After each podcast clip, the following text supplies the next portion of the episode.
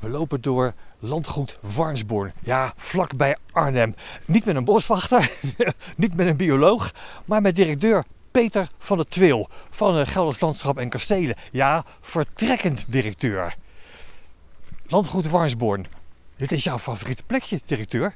Ja, het is een van mijn favoriete plekjes uh, en ik woon hier vlakbij. Ja. Dus het betekent dat uh, dit gebied, uh, dat ken ik dus heel erg goed.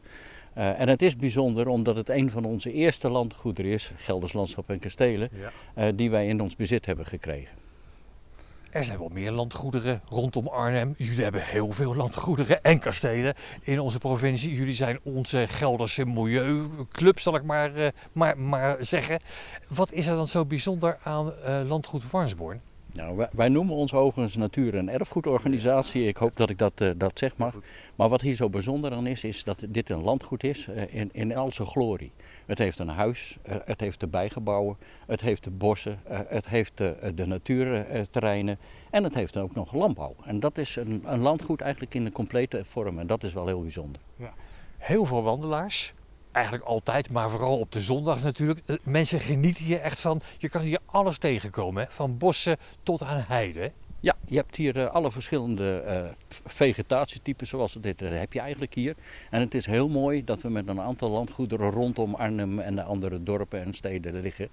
want hier is heel erg veel behoefte aan en dat zal in de toekomst toe alleen maar toenemen. Ja. Hoe groot is landgoed Warnsborn eigenlijk? Nou, het landgoed Warnsborn is een paar honderd hectare, maar het, het is gekoppeld aan Lichterbeek en het is gekoppeld aan Mariendaal. Ja, en dan kom je al gauw aan een 700, 800 tot 1000 hectare bij elkaar. Ja, ja, ja. Het is heel veelzijdig, Warnsborn. Er is wel alles te zien. Wat zijn nou plekjes ja, die je echt eventjes moet bezoeken als je een wandelingetje maakt in Warnsborn? Nou, als je, als je, je, je moet naar de heide. Maar je moet ook naar het bos kijken. Je moet ook naar het huis kijken. En je moet natuurlijk ook het verhaal van de rivierkreeft kennen. Dus we gaan straks ook nog eventjes naar de sprengen en naar het water. Want dat is ook een bijzonder verhaal hier op uh, Warnsborn. Je kan hier natuurlijk gewoon gaan wandelen en maar kijken waar je uitkomt. Maar er is iets nieuws, hè? Ja, ja, er is iets nieuws. En ik, uh, maar ik heb net eigenlijk de primeur mogen hebben. Ik heb net een app uh, gedownload en dat ging nog goed ook. En daarmee heb ik een, een wandelroute gedownload met audiofragmenten. En dat lijkt me wel heel erg bijzonder. En ik heb begrepen dat we dat zo meteen ook uit gaan proberen. Ja, en dan gaan we waarschijnlijk de stem van Laurens weer horen. Want die heeft er ook een, een taakje in gehad. Was dat een verrassing, een audiotour? Ja, dat, is, uh, dat vind ik wel een verrassing. Uh, ik moet zelf ook even al, al deze nieuwe technieken wennen. Ik denk ook dat ik dat gewoon zeggen mag.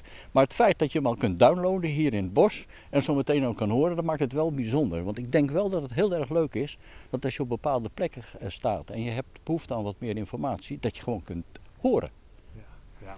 Warnsborn is natuurlijk bekend om het rondje voor hardloper Bramson. Ja, dat is ook. Ik wandel liever. En, uh... We hoeven niet allemaal hard te lopen natuurlijk, hè? Dat nee. gaan we ook niet doen nu, nee, hoor. gelukkig nee. niet. Maar waar lopen we nu precies in nou, het gedeelte? Wij lopen nu in een, in, in, in een stuk uh, uh, waar, waar je eigenlijk heel goed kunt zien hoe het bosbeheer hier plaatsvindt.